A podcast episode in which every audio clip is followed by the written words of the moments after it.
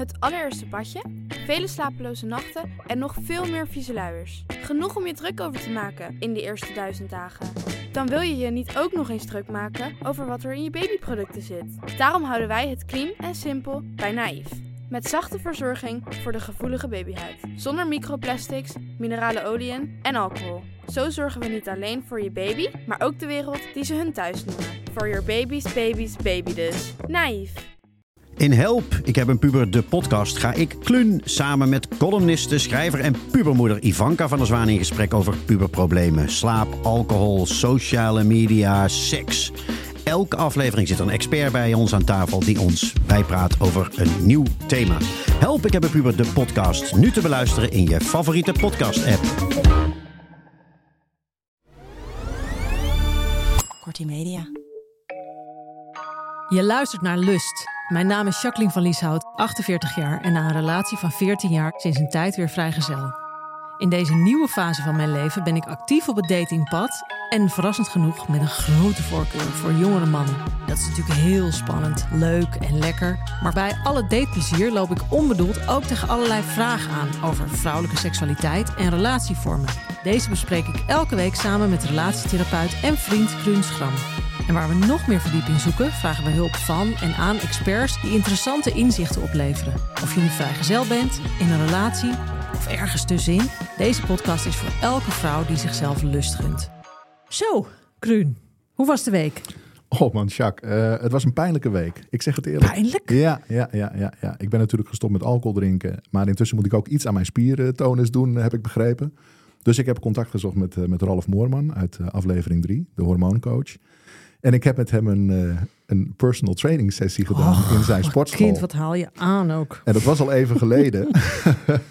dus we begonnen met squatten en we eindigden met, met, met iets met een dumbbell. Nou, en ik heb een pijn. Het is bizar. Weet je, ze zeggen altijd dag 2 is het ergst. Nou, ik weet niet, week 2 kan nog komen, maar ik heb, ik heb echt pijn uh, gehad. En dat is goed, hè? ik bedoel, ik ben dolblij. Want dan weet ik dat het met de testosteron de goede kant op gaat en dat mijn lijf aan het bouwen is. Maar mijn hemel, dus ja. Wordt dit een wekelijks uh, terugkomend verhaal? Nou, dat is de bedoeling. De bedoeling is dat ik, uh, dat ik een redelijke leidersweg aanga om, uh, oh, om het lijf weer een beetje te shapen. Maar goed. Heerlijk. No pain, no gain, hè, zeggen ze dan. Voor het goede doel. Ja. En jouw ja. week, hoe was het Nou, ik vind het heel interessant dat ik heel veel vragen krijg van vrouwelijke luisteraars. Mm -hmm. En er worden nu ook suggesties gedaan wat ik allemaal moet gaan uitproberen volgens Nederland. Dus van wanneer ga je eens aan de vrouwen? Want dat wordt tijd. Waarom heb je het nooit over seksfeestjes? Uh, um, wat een goede vraag. Allemaal. Wanneer ga je uh, aan de trio's? Wanneer ga je dit? Wanneer ga je dat? Ja, en dan heb ik dan toch de neiging om altijd te antwoorden. Mm -hmm. Ja, en dan zeg ik, ja, dat staat op dit moment niet op mijn radar. Dus, en ik ga niet rationeel iets bedenken. Oh, ik ben, ben nog nooit naar een seksfeest geweest, dus daar moet ik naartoe. Ik vind wel dat ik dat moet voelen, van daar wil ik eens naartoe. Ja. Maar, want je hebt wel eens gezegd, dacht ik, van dat je met een vrouw wel eens gezoend had. Ja, ik heb wel meer gedaan met vrouwen, met okay. meerdere. Ja. Maar dat was allemaal uh, na 26 uh, Sauvignon Blanc, zeg maar. dus Geen ik, scherpe omlijnde herinneringen aan. Oh ja, sommige dingen wel. Maar ik, ik heb nooit hmm. dat ik ergens ben en dat ik een vrouw zie en denk... ja, daar zou ik het mee willen doen. Hmm. Dat gebeurt mij niet. Nee. Niet dat ik vind dat ik dat niet mag. Dat is echt niet zo. Maar het gebeurt gewoon niet. Brengt mij op een vraag. Ook een beetje als inleiding op de gast die we vandaag hebben. Heb jij de afgelopen periode wel eens iets gehad met een man in een relatie, een getrouwde man? Uh, nou, misschien wel dat ik het niet weet. De, ja? Ja, dat kan, kan dat? wel. Tuurlijk kan dat. dat. ze dat geheim houden? Ja. Maar ik denk dat als een man zijn telefoonnummer geeft... Dat Ach, hou op. Hoeveel vrouwen uh, staan er niet op, openen de telefoon van hun man en vinden de, de, uh, de apps ja, dat is waar, van ja. hun minnaressen? Ja, maar dan zeggen die mannen altijd dat ze die vergeten zijn te wissen.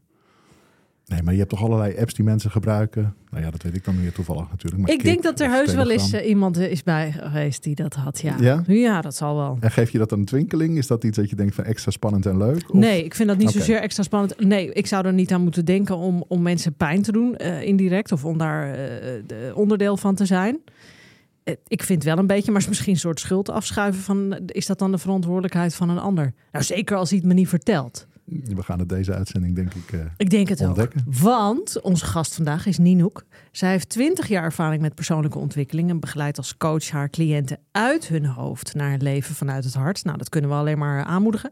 Maar vandaag is ze hier omdat zij als getrouwde vrouw verliefd werd op een andere man.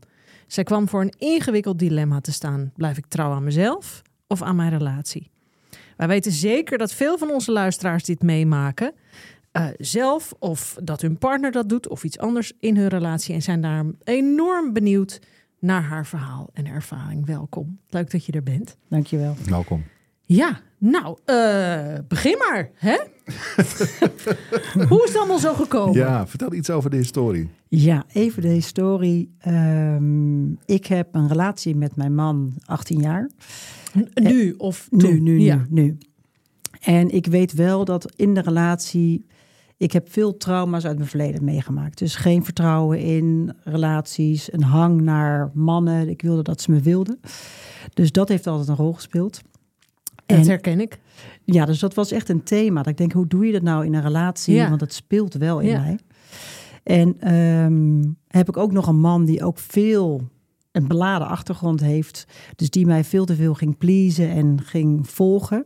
Wat voor mij helemaal niet aantrekkelijk was. Dus, en ik ging dan hem maar proberen te veranderen dat hij anders moest zijn. Dus het was een relatie dat je denkt, ik vond hem fantastisch. Het voelde echt, dit is hem. En toch zaten we niet in een lekkere dynamiek. Mhm. Nou, en op een gegeven moment heb ik dus heel vaak, was ik bezig van, nou, ga nou meer doen. Ga nou sporten. Ik zat alleen maar te sjorren Tegen aan hem, wat hij allemaal moest doen. Ja. ja. in de hoop dat ik het voelde dat het meer ging stromen. Maar goed, dat werkt natuurlijk helemaal niet. Als we gaan trekken aan onze partner, lukt, lukt het helemaal niet. En op een gegeven moment kwam ik in een situatie dat er een ex-vriendje van vroeger, uh, die kwam eigenlijk via een LinkedIn berichtje op te proppen. Oh, zo'n oude liefde. Zo'n oude liefde. Oh, stel je voor, Kluun. Kun je Ja. je voorstellen? Ja. En dat ik dus, ja, dus dat, en dat kwam gelijk omhoog. En hij was uh, ook nog, hij had kanker gehad. Hij had in het Anthony, Anthony van Leeuwenhoek gelegen, was terminaal. En hij zei, in het Anthony van Leeuwenhoek heb ik mijn bucketlist gemaakt. En daar stond jij op. Dus, nou goed, en wij dus afgesproken met z'n tweeën. En wat er dus gebeurde, ik voelde een totale verlangen van shit, ik wil het uitzoeken met deze man. Maar dat mag natuurlijk niet, want ja, dan raak ik mijn partner en wat moet ik nou doen? En ik kwam totaal in een verwarring. En eigenlijk de verliefdheid werd steeds sterker. En de hang, ergens mijn hele lijf zei, ik heb het uit te zoeken met hem. Terwijl ik echt dacht, ja, dit is nat dan.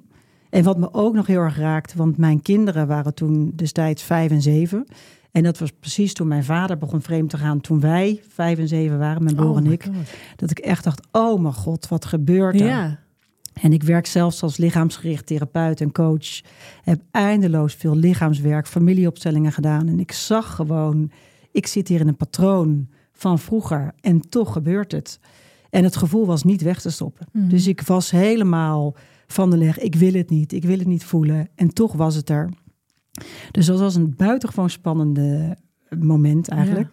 Had je man iets in de gaten? Zeker, zeker. Dus ik vertelde ook tegen hem van Marnix, ik voel een trek naar deze man en ik weet niet wat het is. Oké, dus je had het echt wel direct onthuld eigenlijk. Gelijk onthuld. Ja. Maar hij was er niet van uitgegaan dat ik echt iets met hem zou beginnen. Dus Hmm. hij voelde de trek. En toen zei hij ook wel van ja Noek, ik weet al lang, jouw vader staat nog steeds op nummer één. Ik sta op nummer twee. En deze man staat voor je vader. Dus hij zag het wel en hij zei Oh, ook nou, goed van hem. Dus we hebben ook, hij heeft ook heel veel persoonlijke ontwikkeling gedaan. Dus het is fijn Ja. elkaar zo te ontmoeten. Hij zei, nou, ga maar afspreken. Er niet vanuitgaande dat er meer zou gaan gebeuren.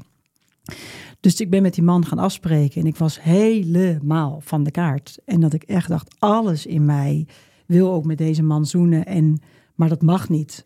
Dus toen heb ik dat eerst nog niet gedaan. Ben ik naar mijn coach gegaan. Eh, Piet Wijsveld. Dus eh, deze man heeft mij ongekend veel geleerd. En dat ik zei, Piet, wat moet ik doen? Ik weet niet wat ik moet doen. Ik zit vast. En hij heeft me toen het advies gegeven. Eén ding, volg je hart. Ga niet je hart onderdrukken, want daarmee sluit je een stuk van jezelf. En daarmee sluit je ook een stuk tussen jou en je man. Ehm, dus ga het, voel het, leef het. Ehm, en deel alles thuis. En toen dat ik echt dacht, ja, deel alles thuis. Dat trekt mijn man niet. Dus dan is hij gekwetst. Hij zei, dat is niet jouw probleem, dat is het probleem van je partner. Ik zei, en straks gaan we uit elkaar. Hij zei, dat is het risico. Maar jouw uitdaging is, durf je je hart te volgen en durf je alles in te brengen. En durf te blijven, ook als hij boos of angstig of uh, wat dan ook gaat ervaren. Durf in het contact te blijven. Je weet niet wat de uitkomst gaat zijn. Je weet niet of je getrouwd gaat blijven. Eén ding weet je wel, dat jij jezelf voor hebt ingebracht. En de uitkomst, dat ga je zelf zien. Maar dat is jouw uitdaging. En toen voelde ik ook echt aan alles. Oké, ik sta hier, want mijn buik zegt aan alles. Ik heb dit te doen. Ik weet niet wat het gaat brengen. En ik spring in het diepe en ik weet niet waar we uit gaan komen. En dat heb ik gedaan. Dus ik ben met deze man gaan afspreken. Ehm, en ik weet nog de eerste keer dat we gingen zoenen. Dat het, los van het feit dat het heel fijn was om te zoenen met hem. Maar het voelde opeens alsof er 80 kilo van mijn schouders uh, viel. En dat ik echt dacht, wat gebeurt er? En opeens kon ik ook zo voelen dat het ook iets ging over mijn achtergrond. Mijn ouders zijn gescheiden. Mijn vader was dus de vreemdganger. En mijn moeder is daar mhm. jarenlang heel erg ongelukkig door geweest. Uh, dat ik opeens voelde, ik mag ook op mijn vader lijken. Want hij was natuurlijk de foute man in het systeem. Mocht er niet zijn. En opeens stond ik dus mezelf toe dat ik dus ook een kind van mijn vader was. Nou goed, dus dat was een heel fijn besef. En wat er dus gebeurde, is ik voelde, ik wil dit aangaan met deze man. Maar thuis was het natuurlijk helemaal niet uh, welkom nog eventjes. Dus mijn vent vond het super heftig. En wat, wat, wat, even, je kwam thuis, ik kan aan je lippen. Je kwam thuis en je vertelde, goh, dat en dat is er gebeurd. We hebben gezoend en ja. God knows what else. Ja, of hij, hij zei ook eigenlijk toen we elkaar dus zagen. Hij zei, Noek, ik voel je niet meer. Waar ben je met je energie? Wat heb je gedaan? Want ik voel je niet. En toen zei ik inderdaad, het klopt. Ik ben vreemd gegaan. Ik heb gezoend met deze man. Alleen gezond? Uh, toen nog wel. Ja. Toen nog wel. Dus, uh, en hij ging helemaal stuk. Hij ging echt helemaal stuk. Helemaal door wanhoop en schreeuwen en alles. En toen voelde ik shit. En nu blijven, nu blijven. En wat ik heel, uh, wat me nog steeds raakt, maar wat ik heel knap vond van hem, is dat hij echt die gevoelens toestond. En dat hij zo in tranen was. En toen na een uur vroeg aan mij, en Noek, vertel eens, wat heb je eigenlijk zo gemist aan mij? En toen was ik weer heel erg in tranen. Ik zei, Marnix, ik mis je, je bent er niet. Ik voel al zo lang niet het contact tussen ons, dus ik mis jou ook. Dus dat was heel bijzonder. Zo kwam er een heel bijzonder gesprek eigenlijk, een bijzonder gevoel tussen ons. Dat denk, jeetje, hier gaat opeens de liefde stromen die ik al heel lang mis.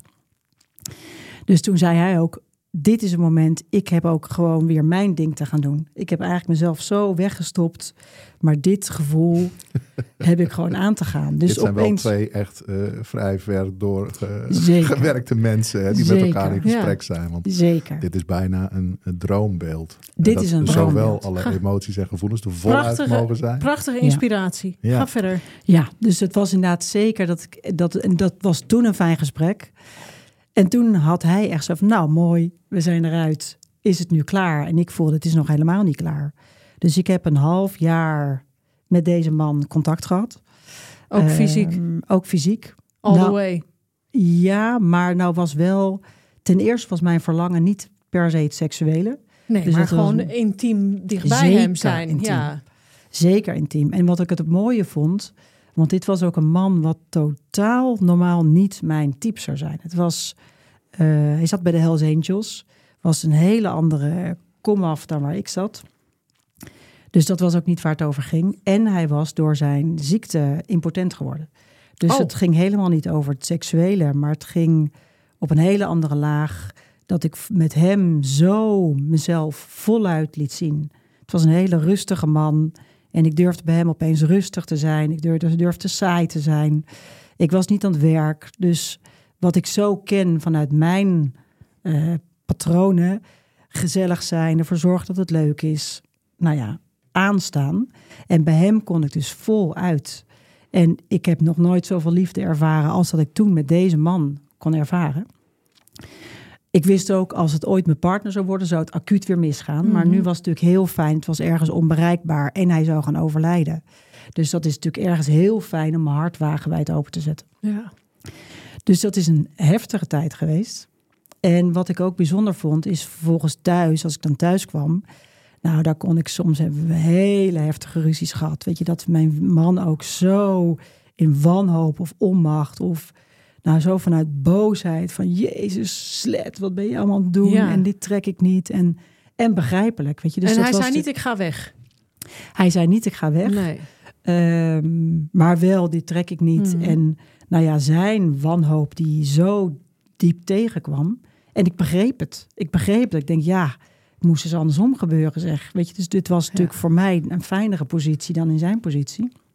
Want jullie zijn toen niet de gesprekken gestart van misschien moeten we een niet-monogame fase in onze relatie Nee. aangaan. Nee, want ik heb toen, na, toen wel gezegd, ga jij ook maar. Dus dat gaf mij natuurlijk ook minder schuldgevoel. Mhm. Maar dat was helemaal niet waar hij Dat wilde hij helemaal zat. niet. Nee. Dus ik voelde ook zoveel schuld die ik voelde. Ik kwam zelfhaat tegen van ben ik aan het doen? Wat ben ik de kinderen aan het aandoen? En toch dacht ik, en ik heb het te doen. Dus we zijn steeds dus weer in contact gebleven. En toch ging ik weer afspreken met deze man. En op een gegeven moment, ehm, toen voelde ik op een gegeven moment ook toen mijn man zei: Ik trek het nu niet meer. Ik wil niet meer. Maak een keus. Of je hebt het nu echt met hem uit te zoeken, maar dan niet meer dat je hier woont. Of niet meer. Want dit is voor mij nu de grens Ja. die ik ook begreep. Ehm, en op dat moment voelde ik, nee, ik hoef ook niet meer. Het is goed. Ik voel ook, ik wil eigenlijk deze relatie wil ik stoppen. Al vond ik het heel moeilijk hoor. Maar ik wil het stoppen. En toen heb ik eigenlijk dus tegen deze man gezegd van nee, het stopt. Ik wil contact, maar echt als vrienden. Zeker Mhm. als je gaat overlijden. En dat wilde hij niet. En toen dacht ik, dat is aan hem, dat is niet aan mij. En wat ik heel mooi heb gevonden, is ik kwam op een gegeven moment dus thuis. Ehm, grappig, het raakt me weer. En ik kwam thuis van dus deze man. Het was net, had ik het uitgemaakt. En toen was mijn man er. En toen vroeg hij, hoe is het eigenlijk met je? Hoe voel je je nu? Nou, dus ik begon heel hard te huilen. Ik mis hem. Ik vind het moeilijk. En mijn man kon dat handelen. Hoe hij het heeft gedaan, geen idee. Maar... En Wat een liefde voor jou. prachtig. Ja, heel erg dankbaar voor. Echt. Dus ik voelde die liefde ook. En het, hij was er vol. En wat ik zo mooi vond, in die tranen kwam ik in een heel diep verdriet over deze man. Maar dat veranderde eigenlijk in het verdriet over mijn vader. Dus ik heb, eh, mijn ouders zijn gescheiden vroeger. Ik was een enorm vaderskindje, maar mijn vader is vertrokken. Mijn moeder is daarna nog meerdere keren getrouwd. En in mijn hart ben ik altijd bij mijn vader gebleven. Alleen ik heb nooit naar hem toe kunnen gaan, want dat wilde ik niet voor mijn moeder. En mijn vader was er überhaupt niet. En eigenlijk dus via deze relatie ben ik de beweging gaan maken die ik eigenlijk vroeger had willen maken, maar niet gekund. Dus toen ik terugkwam en in dat verdriet kwam, kwam ik in een ongekend verdriet eigenlijk van mijn vader.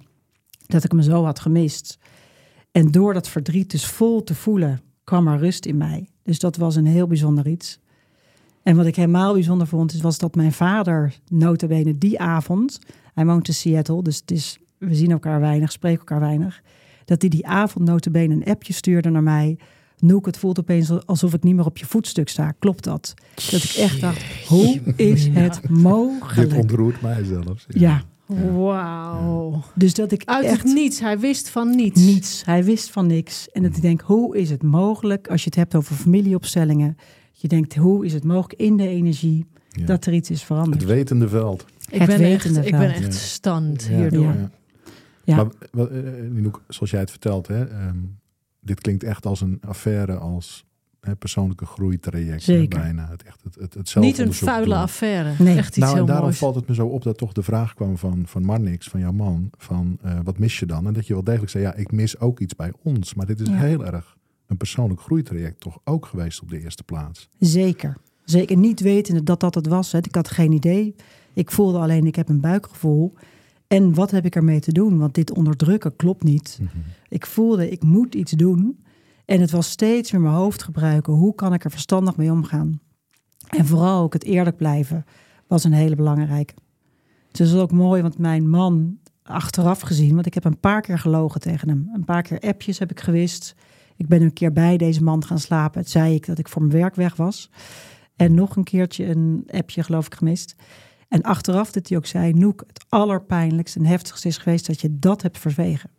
Dat je bij hem ging slapen, dat je iets met hem had... dat was veel minder pijnlijk dan dat jij iets Het ging liegen. achterhouden. Het liegen. Het liegen is het ergst. Het Ja. liegen is by far het ergst. Hij zei, de is- rest was ja, ook pijnlijk. Dat, kom ik zoveel tegen in mijn praktijk. Want uit Ja. zorgzaamheid wist Zeker. jij dat dan? Want je wil hem geen pijn doen. Ja. En je, je wil niet meer verstoren dan absoluut nodig is. Ja.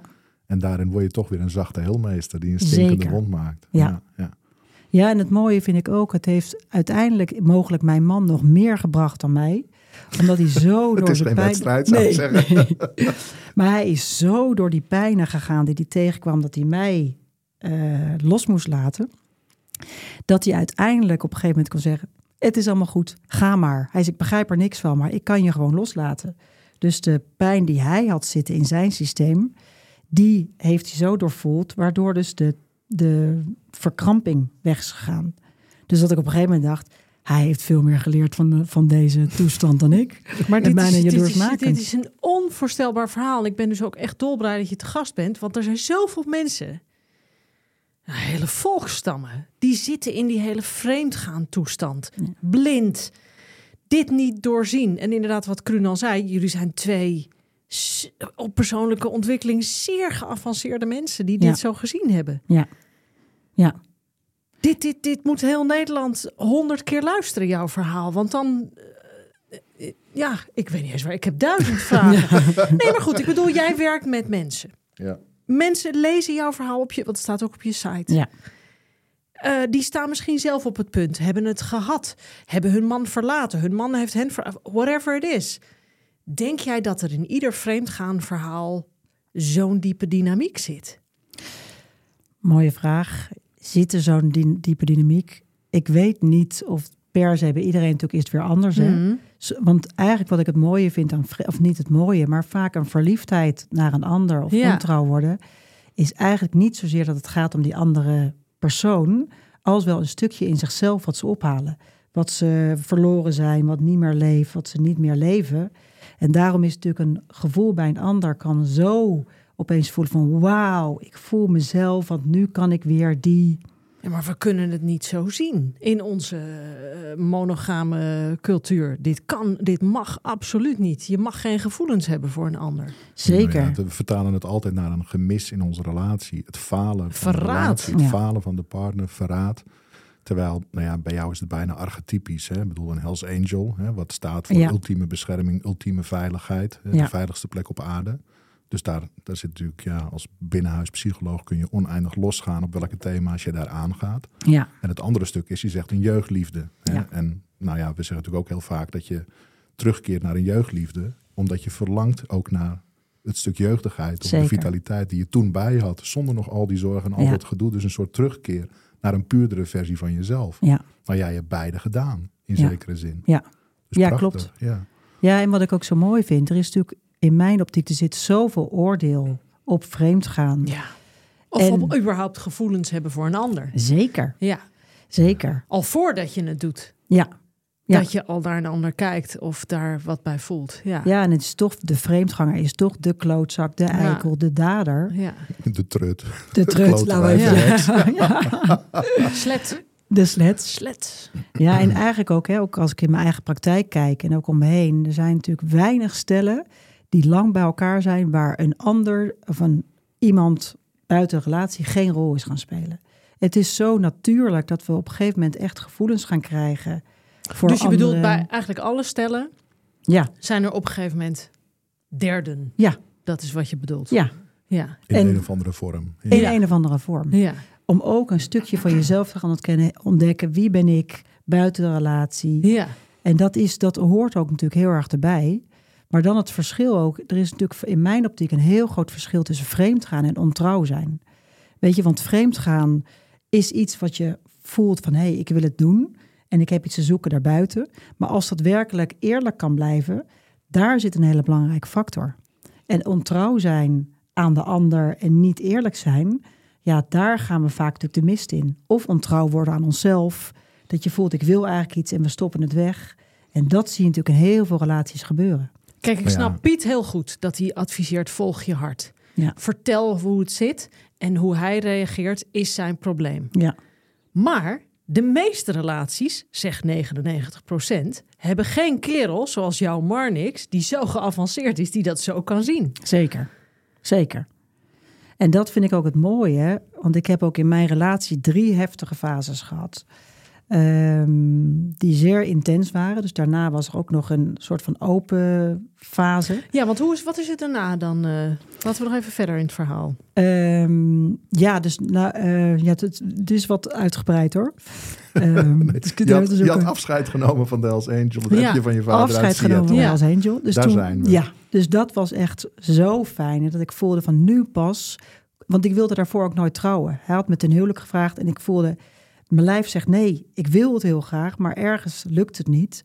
En dit was het moment na die helbui dat ik ook voelde, ja, nu wil ik trouwen. Dus toen zijn we samen in het huwelijksbootje gestapt. Wat natuurlijk super fijn was en bijzonder. Jullie kinderen waren er al. De kinderen waren er al. Ja, kinderen waren er al. En toch voelde ik wel ook nog, er is ook nog een hang, toch wel echt naar buiten. Dus die trek naar buiten, gewild jou. worden. Ja, ja. Ehm, heb ik altijd gehad. En toen kwam een volgend ex-vriendje op te proppen. Oh, echt? Maar voor die Hells Angel was je nooit vreemd gegaan? Nee, Oké. maar dat was niet omdat ik het niet wilde, maar dat was meer omdat ik vond het mag niet. Dus Oké, maar je gluurde wel. Ja, er zat dus een verlangen. En, Ja. ehm, of eigenlijk wat ik heel sterk voelde altijd, van in de relatie eh, blijf ik altijd verlangen naar iets daarbuiten. Mhm. En dat heb ik in al mijn relaties gehad. Dus dat ik ook voel dat het gaat niet over de relatie. Het gaat over iets in mij. Dat ik als ik in een relatie zit, verlang ik naar iets daarbuiten. Ja. En uiteindelijk heb ik het prima vanuit opstellingen kunnen zien. Ik was vroeger in het gezin met mijn moeder en mijn broer. En ik verlangde naar mijn vader. Dus en dat gevoel kwam ik in elke relatie tegen. Oh ja, maar dat ik eh, herken dat. Ja, vind het ook heel, raakt mij heel erg dat jouw man zei, jouw vader staat op één. ja, ja. Ja, dat, vind- dat Ja. Ja. Ja, en Dat voel ik tegelijk, wel. tegelijkertijd, want ik kom natuurlijk veel verhalen tegen in mijn praktijk. Dat verlangen naar buiten kan in dit geval gaan over een verhaal van een vader. Maar er zijn duizend verhalen waarom er een verlangen kan zijn. Want dat is Absoluut. nu eenmaal wat wij zijn. We zijn verlangende wezens. Ja, en wat ik ook geloof, want ook als ik nu kijk, de drie huwelijkscrisissen die waar ik heb meegemaakt, dat het uiteindelijk niets met de ander te maken heeft, maar alles met jezelf. Durf je trouw te zijn aan jezelf, durf je echt te gaan staan voor jezelf en te dealen met alles wat je daar tegenkomt. Ja. Want als de ander dat niet leuk vindt of over de grens gaat of wat dan ook, komen we per definitie ook in contact met al die oude kindsgevoelens die we zo leuk hebben zitten weg te stoppen. ja. Ja, dat is wat Cyril Jansen ook zei. Hè? Ik weet niet of je dat kan herinneren, maar Cyril die zei ook van ja, relatieproblemen horen bij een goede relatie. Ja. Juist omdat je voor jezelf moet blijven staan. Ja. Dat denken van David Snarch gaat daarover. Echt differentiëren. Ja. Durf je, nou Gerard trouwens ook, Gerard Dorpaal, je Ja. eigen eiland. Durf je je eigen eiland een goed eiland te vinden, dat Ja. te blijven presenteren Ja. aan je partner. Ook al vindt je partner dat af en toe lastig. Ja. Maar jij bent dat vol aangegaan. En Marnix is natuurlijk de held in dit verhaal. Die, Ja. is, eh, die is gebleven en heeft gestreden. Zeker, zeker. Ja. Nou, heeft jou onvoorwaardelijk lief. Ja. Dat is het Ja. vooral. En ja. jullie Ja. hebben toen, wat je zei, een open fase gehad met elkaar. En was Ja. dat in, in, in consent? Was dat wat hij wilde, jij wilde? Of hoe kwam dat tot stand? Ja, dat we toen toch wel ook, ook wat we ook bij relaties hoort. hè. Op een gegeven moment voel je ook wat je bij stellen ziet. Eerst heb je een verliefdheidsfase, dan ga je meer je eigenheid ontdekken. En dan komt er een fase dat je kijkt, wie ben ik buiten de relatie? Dus het is eigenlijk een hele gezonde fase, alleen een hele spannende fase. Dus toen hebben we in die fase ook besloten, laten we gewoon wat, elkaar wat vrij laten. Dus hij wilde wat gaan daten met andere vrouwen. En ik had voornamelijk één ex-vriend Jeugdliefde. één jeugdliefde die, eh, waar al mijn aandacht naartoe ging. Ehm, want wat grappig was, sinds mijn ouders uit elkaar zijn gegaan, ik heb er nooit last van gehad, ogenschijnlijk. Ik vond het allemaal prima, ik heb geen traan gelaten. Maar wat er wel is ontstaan, is dat ik eigenlijk mijn hele middelbare schooltijd bezig was. Ik wil dat tien jongens tegelijkertijd verliefd op me worden. Dus ik was hartstikke mijn best aan doen te zorgen dat al die mannen of jongens toen verliefd op me waren. En ik vond het een hartstikke leuk spel. Het ging me buitengewoon goed af. Dus ik was heel trots eigenlijk op mezelf. Totdat ooit iemand zei, wat heb jij een ellendige vader gehad dat je dit nodig had? En toen Oh. dacht ik, wow, hey, dit raakte me wel. Ja. Was En- dat een vrouw of een man die dat tegen je Een zei? man, een man, ja. Het was niet Piet Wijsveld. Nee, nee, nee, Een nee, nee. man. En er was één man, die, de barkeeper van vroeger, die daar niet in meeging. Dus het was, eh, ik ging eigenlijk voor de status. Dus het was allemaal de hockeytrainers, de barkeepers, de zeilinstructeurs. Dat waren altijd die tien jongens. Maar dit was de man die ik niet kon krijgen. Waarvan ik voelde van, hé, hey, Ik wilde het heel graag. Hij vond het ook leuk. Maar als het dichtbij kwam, dan haakte hij af. Nou, Ja. Dus dat was een totale obsessie. Ja, de vader die ging. Ja, De vader die ging. ja thema. Dus dat was eigenlijk de tweede fase in onze relatie. Dat ik toen weer contact ben op gaan nemen met deze man. En dan was het superleuk als we elkaar zagen. Maar daarna hoorde ik weer weken niks van hem. En, en deelde Marnix en jij dingen over elkaars dates en zo? Alles. Alles. Alles. alles. En dat viel goed? Nou, nee, zeker. Soms niet. Nee. Nee, helemaal niet. En dan weer vol. Eerst was het vaak een heftige strijd, een heftige ruzie. En dan weer vol te voelen van, hé, hey, wat komen we tegen? Want natuurlijk precies daaronder zitten dus gevoelens die we ooit hebben weggestopt. En Ja. die zo pijnlijk zijn, maar die ons wel uiteindelijk terug bij onszelf brengen. Ja. En nu ook even een tussenvraagje. Ehm, in de Hells Angel fase, trouwfase, eh, open fase. Vreden jullie samen ook nog? veel Zeker. En goed? Ja. Dat kon naast elkaar bestaan? Ja. En Ja. beter dan? Veel beter zelfs. Ja, dus het zette ook iets aan. Dus het was gedoe. Ja. En er kwam veel... Ja, want wat het mooie was, wat ik ook zo ken ook uit mijn werk en zelf, weet je, echt liefde gaat echt stromen als je jezelf vol laat zien aan de ander. Met alles wat er leeft, maar ook met de verlangens, met de angsten, met de grenzen, met alles. Nou, en het contact was nog nooit echt heftiger en eerlijker geweest dan dat we dit vol inbrachten bij elkaar. En dat uitte zich dus ook in bed. Dus het was ongelooflijke passie wat er ontstond bij ons. En niet uit geiligheid, weet je. Het was echt, we konden elkaar vol ontmoeten op die grens, even Ja. zo gezegd. Ja. Ja, daar gaat hij van stromen. Vol ontmoeten op de grens. Ja, het zijn ook al echt twee doorleefde mensen hier. Ja. Coaches, ik gun het je zo. Ja.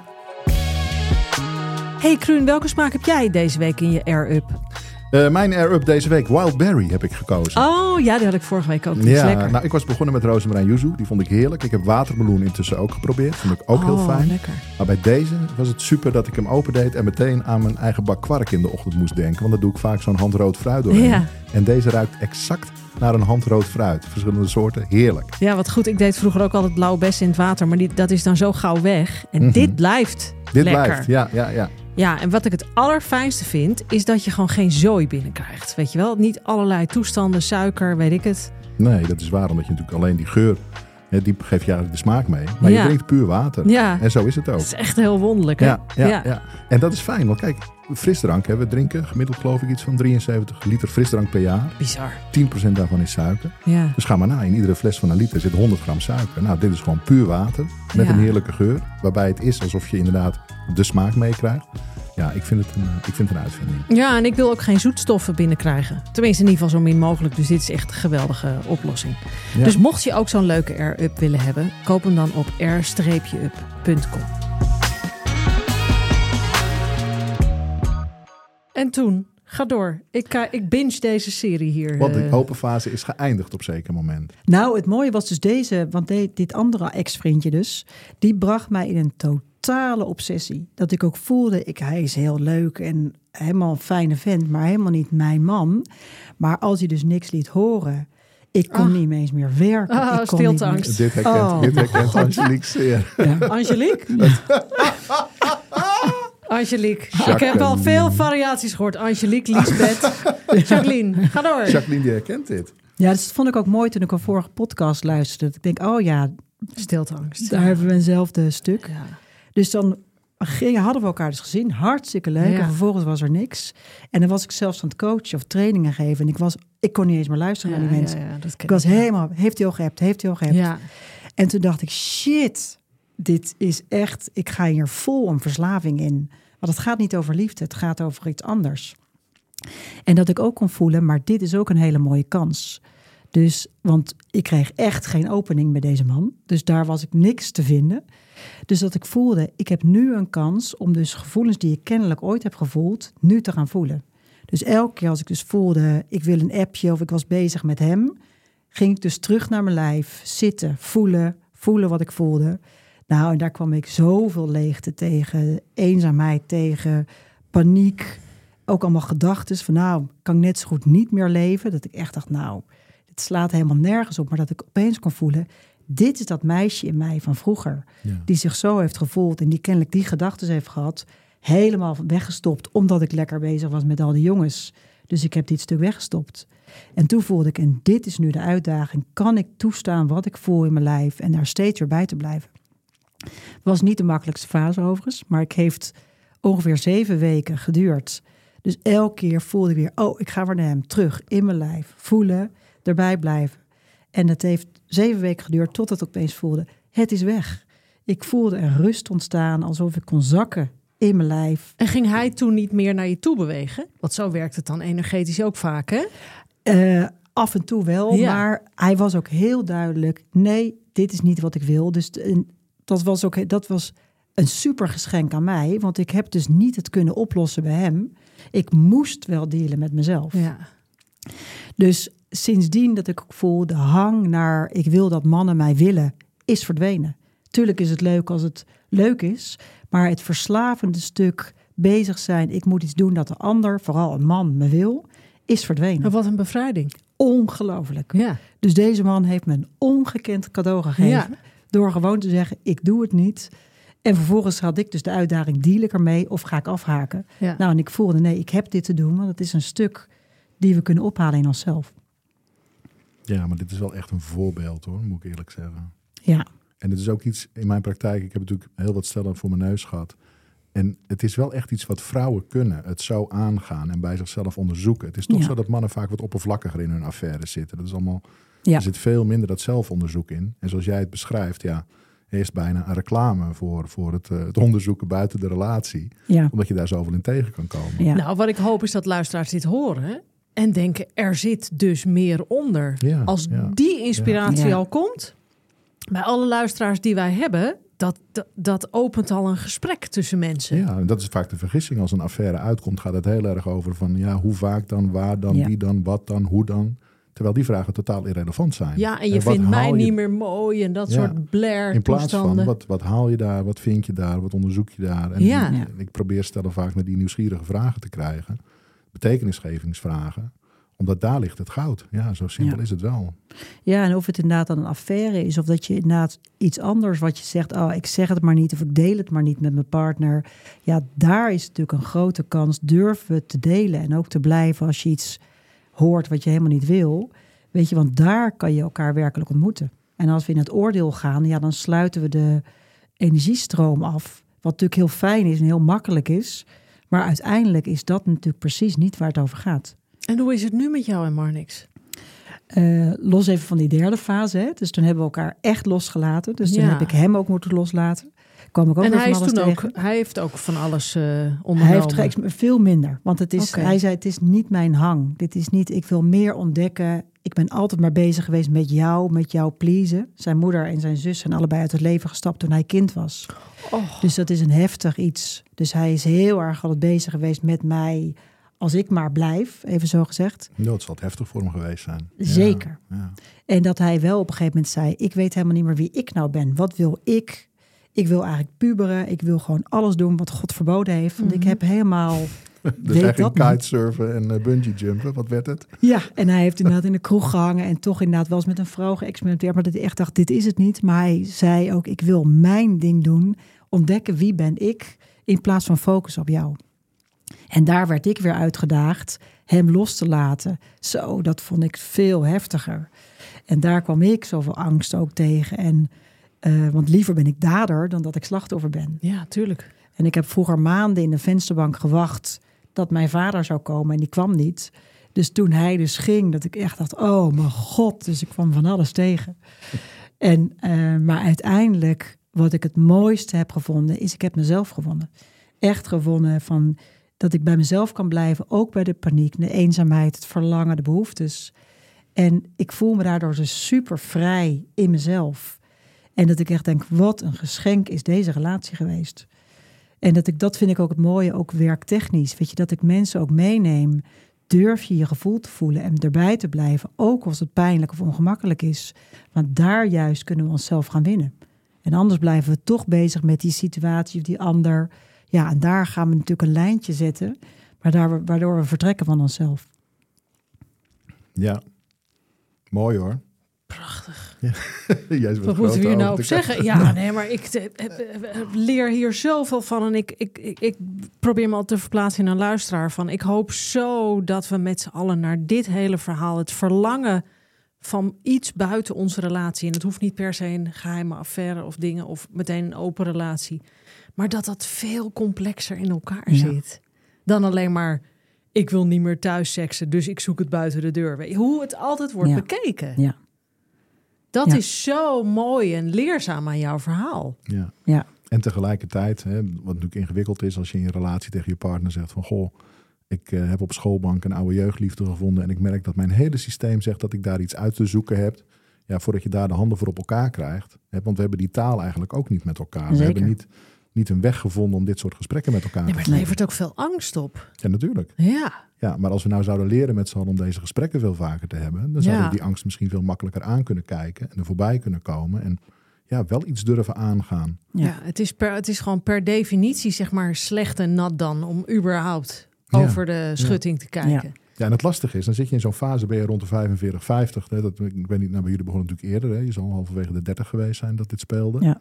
Je hoeft nog maar 60 jaar met elkaar. Ja, om dan alleen maar inschikkelijk en toegeeflijk en het Ja. maar te laten. Ja. Dat is natuurlijk 60 jaar lang is dat gewoon is dat, is dat gekookte spruiten eten. Wat Ja. je niet wil. Zeker. Hè, maar ja, en toch, om dat te durven.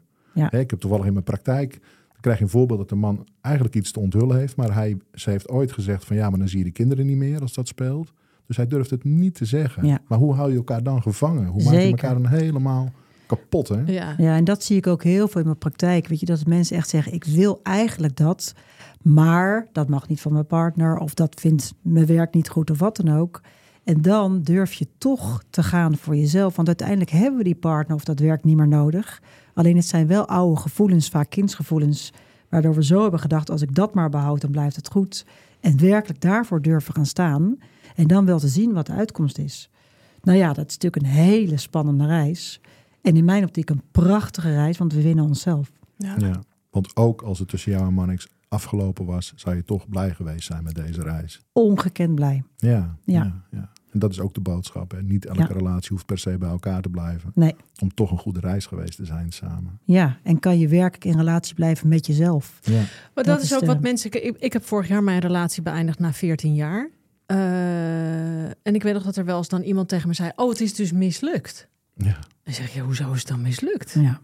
Ik zeg: We gaan in vriendschap uit elkaar. Ja. Het is weliswaar mijn beslissing, maar we zijn heel oké. We zijn nu zelfs beter dan toen we in de relatie zaten. Ja. Eh, prima met onze dochter, kunnen met z'n drieën zijn. Dit is prima. Hoezo mislukt? En ik Dit- heb veel geleerd. Ja, Ja. en dit is gewoon wat het was. ja. En waarom is het alleen gelukt als je dus 50, 60 jaar bij elkaar bent geweest? Ja, in stilte. Ja, het is natuurlijk een plaatje wat ons hoofd ervan maakt. Ja. Ja, Terwijl je echt denkt, ja, dat hoeft helemaal niet het plaatje te zijn. Misschien nou ja, wat, wat de religie ervan heeft gemaakt eh, decennia lang. Van dat is hoe het moet.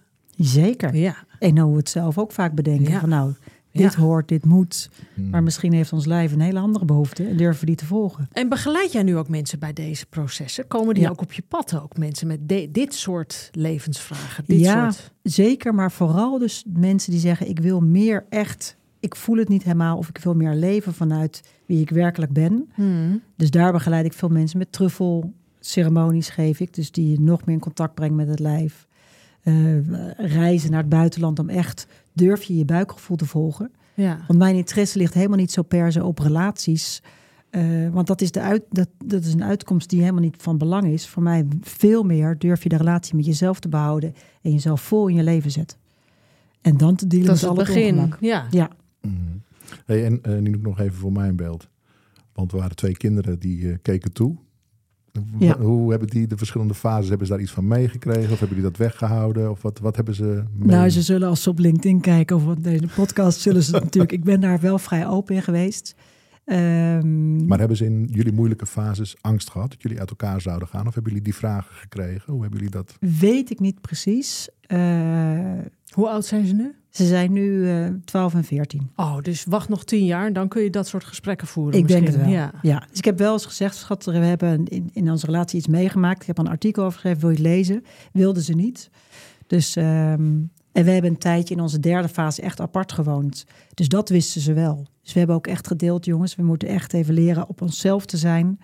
Dus jullie gaan er niks, of in ieder geval, jullie zien ons allebei de helft van de week. Ehm, dus, maar dat is dus wel wat er is. En dat vonden ze eigenlijk oké. Dus we vroegen ook, hoe is het? Ja, we zien jullie liefde toch? Het is toch goed? En je weet natuurlijk niet wat kinderen allemaal echt Nee, voelen, hè? Nee. Wat ze zelf überhaupt al bewust van zijn. Ik weet dat de relatietherapeut waarbij mijn ex en ik waar wij waren, die zei: zolang jullie samen goed blijven Ja. en je liefde voor je kind en ook tussen elkaar, ook al is die op een andere vorm nu, laten zien, Geloof ik dat ook. scheelt alles. Geloof ik ook. Maakt Ja. al het verschil. Ja, Ja, en dat ze beide ouders nog, absoluut. In hun leven Voelen. hebben. Ja. dat dat de belangrijkste Ja. is. En ik denk ook, weet je, ik heb zo graag alle pijn willen wegnemen van de kinderen en het helemaal willen weghouden. Het kan niet. Nee, Het is er nee, nou dat eenmaal. ken ik. Ja. Ja. En dan daar het mooiste van maken met alles wat je tegenkomt. Ja. Kruun, weet je wat ik nou het allerfijnste vond op de basisschool? Dat ik voorgelezen werd. Ik kan me dat nog zo herinneren, die vrijdagmiddag, weet je. Die, die, die, die juf of die meester, die zat met zo'n boek. En daarom vind ik nu Storytel zo fijn. Want, weet je, aan boeken lezen kom ik bijna niet toe. Dat is echt heel jammer. Maar dan zit ik dus in het... Ik zit heel vaak heel lang in de trein. En dan vind ik het zo lekker om een boek te luisteren. Ja, dat is zalig. Ja, En zeker als er een fijne stem achter zit, dan Ja. kun je er helemaal in weg, eh, Ja, weg verdwijnen. Dat vind, Ben ik, vind ik echt een ervaring. En met Storytel ook, weet je, zoveel boeken. Ja, ik vind dat echt... eh, ik word daar echt heel blij van. Ja. En zeker ook erotische verhalen. Misschien iets voor jou ook. Voor in de auto. Ik vind het zalig nu om Storytel aan te zetten in mijn Ja. auto. En te luisteren naar een boek waar ik zin in heb. En dat kan inderdaad ook een erotisch verhaal zijn. Ja, Er zitten zo verschrikkelijk veel goede categorieën in. Ja. En heel veel dingen die me interesseren. Zowel fictie als non-fictie. ja. Een hele rijke catalogus. Dus voor mij is Storytel echt een uitkomst. ja, ik word er ook heel blij van. Mocht je enthousiast geworden zijn en ook boeken willen luisteren, ga dan naar de pagina story.tel slash lust. En geef je daarop en dan kun je 30 dagen lang gratis Storytel uitproberen. Hey Ninoek, je bent nog jong. We hebben pas drie fases gehad. Ja, Wat wordt fase 4? ik ben heel benieuwd. Dus ik heb geen idee. Het voelt dat ik echt nu alle trauma's die ik zo in de relatie tegenkwam, die zijn vrij. En dat ik verder denk, ik ga het zelf wel zien. Ik volg mijn hart wel. En dan zullen vanzelf weer natuurlijk nieuwe dingen op mijn pad komen. Want dat is natuurlijk hoe het leven is. En dan word ik daar weer uitgedaagd. Ik denk dat het een ongoing proces is. En stiekem eh, kijk jij naar je partner en is hij klaar of heeft hij nog een pad, pad te gaan wat jij al voor hem ziet liggen? Nee, hij is ook nog niet klaar. Dat hij ook zei, ik heb echt nog meer naar binnen te gaan. Hmm. Dus eh, daar heb ik ook mijn ruimte voor nodig. En daar heb ik hem in te laten. En dat gaat dus nu goed. Dus ik vind het ook mooi. We zijn ook bijvoorbeeld nu thuis. We slapen heel vaak apart. Dus aparte kamers. En het voelt me toch fijn. Dat we dus niet met elkaar bezig hoeven zijn. Maar ruimte. En dan is hij weer een paar weken weg. Dan ga ik weer weg. Dus het is gewoon volledige vrijheid. En juist heel diepe verbinding. Maar als het werkelijk goed voelt voor beide. Dus dat vind ik een hele bijzondere reis. Mooi hoor. Ja. God, nou, Ja. heerlijk hè? Je hebt weer een nieuwe, Prachtig. ook een toekomst die mogelijk is. Ja, Jacques. Ja, precies. Nou ja, ik vind het een hele intense weg. Maar ik denk dat ik heb, heb echt aan je lippen gehangen. Het is echt prachtig verhaal. Ja. Wat jij- een ontwikkeling. Ja. Heb jij twee tips voor vrouwelijke luisteraars die misschien wel in jouw situatie zitten of er tegenaan hangen? Alleen voor vrouwelijke of Nee, voor iedereen. Nou ja, Ja, zeker mijn tip is voel wat vertelt jouw buikgevoel. Want ons lijf is zo wijs. Eigenlijk weten we deep down precies wat we willen, wat we niet willen. Eh, dat te gaan voelen en durf werkelijk dit in te brengen. Hm. En daarnaast ook wel, weet je, als het echt trauma's zijn die we natuurlijk vast hebben zitten in ons lijf. Trauma's kunnen we niet in ons eentje oplossen. Dus het vraagt ook datgene te doen dat je ook kan voelen dat er iets of iemand voor je is om dat te dragen. En dan vervolgens heb je zelf Maar misschien ook, misschien ook in je eentje, misschien wel, om mee te beginnen hulp te zoeken. Om inzicht Zeker. te krijgen, wat is er gaande? Wat is er gaande? Want voor jou is die vraag makkelijk te beantwoorden. En voor Ja. Marnix ook. Maar voor heel veel mensen die luisteren, die denken... ja, ik heb helemaal geen idee of dat met mijn vader te maken heeft. Snap je? Zeker. Dus Ja, dat en ik wist eerst het ook. zelf nog niet eens. Dat Nee. klopt. En ons hoofd, natuurlijk met al die gedachten en overtuigingen... die zijn zo geloofwaardig, maar zo buitengewoon eh, niet betrouwbaar. Want die houden ons juist in die oude stand van vroeger. En ons lijf, die is de opening. Alleen die is ook heel spannend om te volgen. prachtig. Ja. Nou, Ninoek, dank dat je er was. Nou, superleuk Ja, hier geweest te ja. zijn. En mochten jullie meer willen weten over Ninoek, jullie kunnen gaan naar haar website eh, www.ninoek.nl. Ik spel het even. N-I-N-O-U-K.nl. Dankjewel. Prachtig. Ik vond het Bedankt. fantastische inzichten. Ik weet zeker dat heel veel mensen eh, hier heel veel van leren. Stuur ons DM's wat je ervan vond. Dat horen we heel graag. Eh, ga naar Ninoek. Die zal de komende tien jaar vol zitten. Maar goed, de wereld wordt er beter van. Heel veel plezier allemaal de komende week. Maak er wat van, want het leven is te kort om het niet.